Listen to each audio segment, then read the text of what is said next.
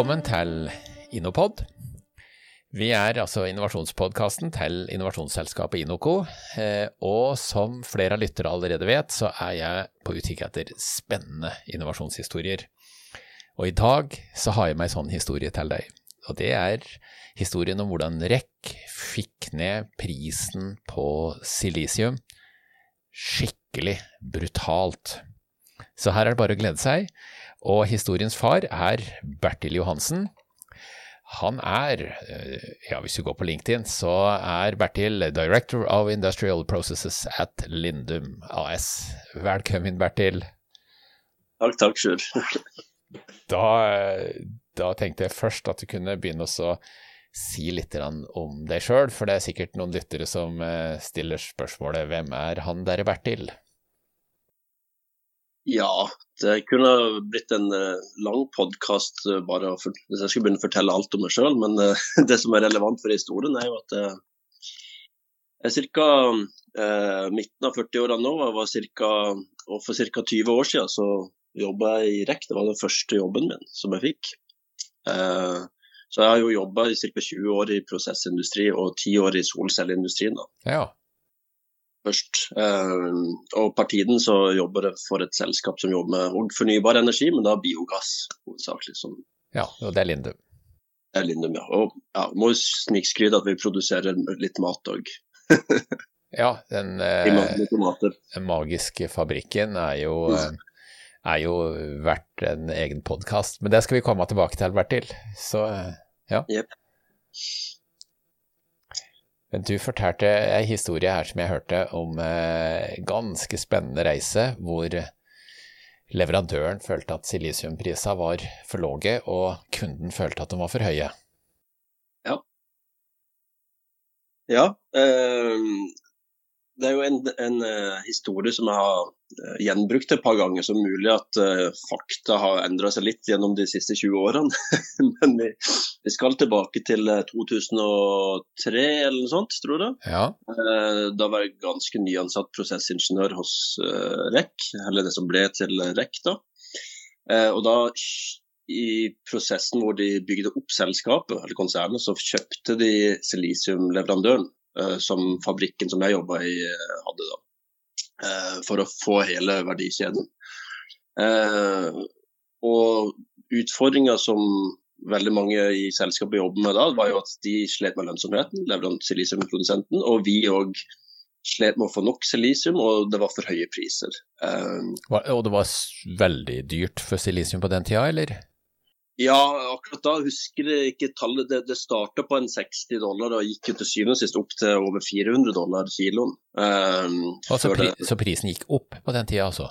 Ja, prisen gikk opp, uh, mens uh, uh, Ja, i, i, den fasen der. Men det var jo litt tidlig i fasen, så akkurat når den, det tidsrommet hvor vi hopper inn i nå, så var det egentlig eh, høye priser, men det ble enda verre. og, og Så, Var det fordi det var knapphet i markedet, sånn at uh, mange ville ha silisium, men få det ble lite produsert?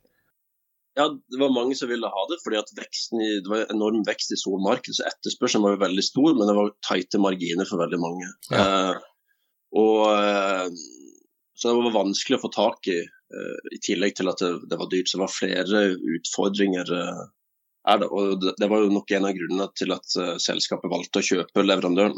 Uh, og forsikre seg silisium. Ja, for det var det de ikke gjorde. Ja. Det er, sånn, det er sånn som Kina gjør det, for å sikre seg råvarer, og kjøper opp i Afrika osv. Ja, det var pre-lean, så da var det kult med vertikalt integrerte selskaper, akkurat som Tesla er nå. ja. men det var 20 år siden. Um, og mye har jo endret seg siden da. Men det som er den, den interessante historien som ofte bruker fra den konteksten, det var jo en ekstraordinær situasjon. Hvor mye spenninger i markedet, og mange som var stressa. Noen var stressa over at de hadde tighte marginer for at kostnadene var for høye og priser for lave, og noen for at priser var for lave og ikke, vi hadde ikke nok silisium. Mm. Så Det var liksom konteksten av hvor vi kom inn. Og så var det et nyoppkjøpt selskap. Så vi kjøpte jo leverandøren, så du kan se på det som Og, og vi, de pleide å lage silisium til elektronikkindustrien, som hadde superstrenge kriterier. ikke sant? Ja, ja. Hadde enormt høye krav til renhet, spesielt. Slik at eh, når vi kjøpte de, så hadde jo ikke vi de samme kravene. Og det er litt som om f.eks. Stadholdergården ble kjøpt av Egon. ikke sant? Ja. Så, så de hadde liksom De var ikke, de var ikke kjempeimponert over oss, vi var liksom sånn uh, andre nivå to-kunder, liksom. De ville jo helst levere til elektronikkindustrien, det er det som var liksom gull. Uh, og det var de som betalte høye priser, liksom, mens vi hadde jo mye mindre betalingsevne og villighet. Ja, ja. Så det var litt sånn, og, det var jo mange som jobba med å få eh, liksom finne ut av disse tingene, få integrert dette i selskapet. Mange, sikkert mange, masse direktører, mye selgere og mye forskere og, og sånt. da, som, som, som, jobber med dette med å få utvikla det riktige produktet til vår applikasjon. Ja, og, eh, og, så vet jeg at eh, du har snakka om at det var ei reise som var veldig avgjørende, eller et mm. møte. Reisa var vel sikkert mer enn én dag, for de reiste jo langt. Men eh, fortell, Bertil. Ja, det er i hvert fall det jeg husker best fra dette som var en uh, forløsende faktor i det hele, var jo uh, egentlig når de tok en slags kunne si, Vi er veldig opptatt av kundereisen ofte, men dette var egentlig produktreisen. Så leverandøren de reiste med produktet sitt ja, til oss, ja. til kunden. Det var en litt annen perspektiv på kundereisen. Så, eh, så de kom fra USA eller noe sånt, de da? Ja, eh, de kommer fra en liten by i USA, i Washington State, som heter Moses Lake. Um, og det var en kar som het Chuck Sutton, tror jeg, som var kvalitetssjef der. Som da tok med seg skiftledere og operatører og diverse folk som jobber med kvalitetskontroll på sluttproduktet. Så de folkene som hadde hendene sine på produktet. Eh, det vil si ikke direktører og selgere og administrativt personell. Nei. Eh, og så ville de se hvordan de brukte dette. Og da, eh, for å forstå litt hvordan de kunne tilnærme seg det nye markedet, for å virkelig forstå våre kvalitetskrav osv. Ja, det, så det var en, ja. en innsiktsreise, altså? Ja, egentlig. I dag ville noe kalt det da. Ja. Det, på den tida så var vi jo ikke Vi brukte jo ikke denne typen metodikk på samme måte. Um, så, så, men i retrospekt så vil noe kalt det for det, tenker jeg. Ja. Um, nei, og, og, og, når de kom, så fikk de jo sjokk, da. For det første litt til den norske kulturen. fordi dette var i fabrikken lå i Glomfjord. Ja. Så de hadde jo aldri sannsynligvis aldri sett en så liten bygd så langt vekk fra alt uh, før. Jeg husker de spurte oss uh, har dere hørt om Britney Spears. Fordi han, han den eneste puben der de spilte bare Frank Zappa på, på radioen. Men det var liksom, de, de, de, de, hadde jo aldri vært ute av landet heller, fra utenfor USA. Så det var jo først bare det å venne seg til den norske kulturen de første timene var jo sikkert interessant. Ja. Men første dag de kom på fabrikken og så skulle se på hvordan de, de brukte deres produkter, så fikk de jo enda et sjokk. da, eh, fordi at eh, Du kan jo sammenligne med hvordan eh, en hvordan folk håndterer babyer. Et, eh, et, eh, et, nybakt foreldrepar eh, er jo superforsiktig, og de håndterte kanskje disse civilbitene på den måten, mens vi håndterte meg som en sykesøster. så vi jeg skulle, jeg, skulle, jeg skulle, til å si at dere håndterte det som Donald Trump håndterte flyktninger, men. Ja, heldigvis ikke så ille. Men uh, de, de, lagde jo sånn superrent, fantastisk uh, materiale som var fritt for Det var ingen støv på det. Det var liksom, ja, ja. Det var, var liksom førsteklasses renhet og alt sånt. Og så tok vi åpne disse posene i et støvete rom uten beskyttelsesdrakter og ja. Så, så, de var jo helt i sjokk. Eh, de skjønte jo ikke det, det her kan ikke gå bra. Så bare det faktum at de, de gikk gjennom hele den endringskurva med sjokk and denial. Og, og til syvende og sist så aksepterte de jo at dette går jo faktisk greit. Vi får kvalitets... Vi trenger ikke, vi trenger ikke store HEPA-filtre og liksom sånn sånn høy, høyverdige retromsutstyr og den type ting. Ja, nei, ja det var, det var, helt meningsløst. og de, Når de først så det, så skjønte jo alle de unødvendige produksjonsstegene de gjorde med produktet sitt, som ingen hadde plukka opp i stor grad før det. da, fordi at det hadde stort sett vært folk som hadde møttes på møterom. Eh, og ikke operatører som faktisk pakka produktet, fikk lov til ja. å se.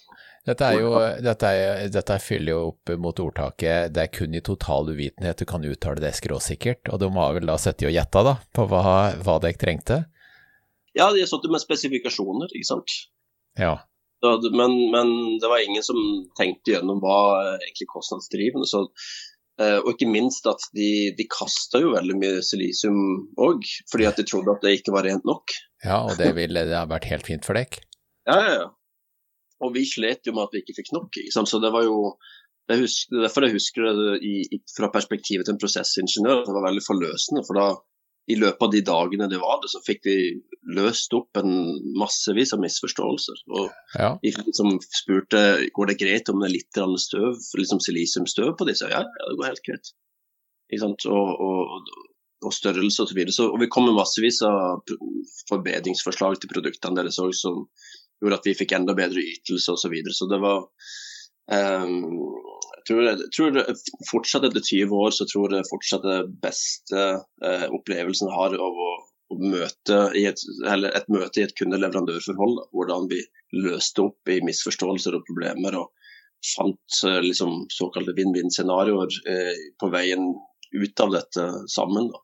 Så dette var en eh, meget verdifull reise, altså. En, en god investering? Ja, jeg håper de hadde business class-billetter tilbake igjen. For det, var, det hadde betalt seg med for både oss og de. Eh, det var hvis du, hvis du skulle eh, estimere, jeg vet at dere gjorde flere ting eh, for å få ned prisen, men hvis du skulle estimere hvor mye gikk prisen ned som følge av Hva var verdien av turen, for å si det sånn? I silisiumpris?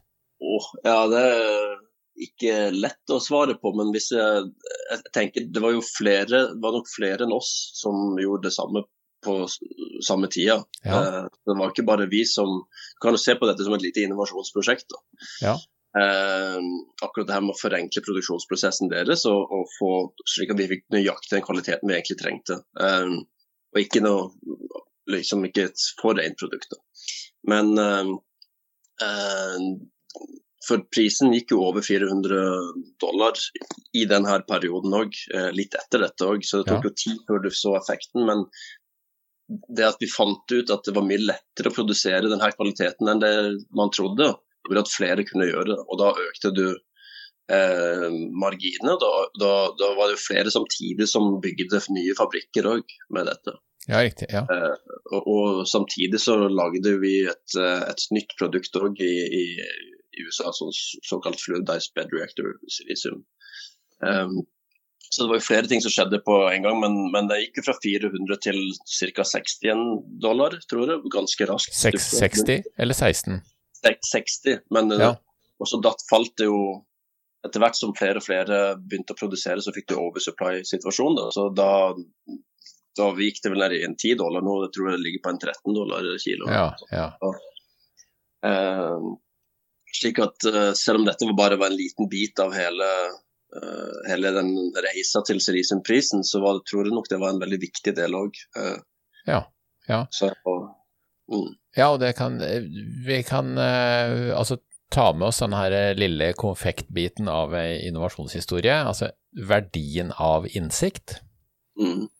For det, jo, for det, er jo, det du forteller om, eh, hvilken nytteverdi det kan ha å møte kunden sin, se eh, hva de driver med, og virkelig forstå kundens utfordringer. Altså get in under the customer's skin, eh, eller hva vi skal kalle det.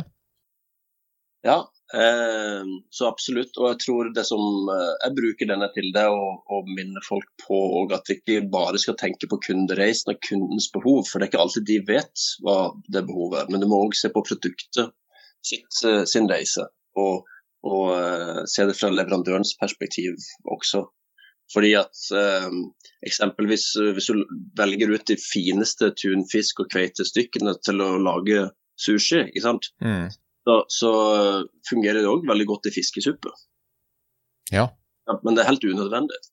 så det er jo òg litt der, så Kundene vil ikke klage hvis de får dette, med mindre selvfølgelig prisene er jo helt annerledes. Men jeg tenker det er, en, det er i hvert fall én analogi Eh, det går an å bruke det liksom kvalitetsråvarer. Å få den riktige kvaliteten til den riktige anvendelse. Det er òg like viktig som kundens opplevelse av dette. Ja, ja.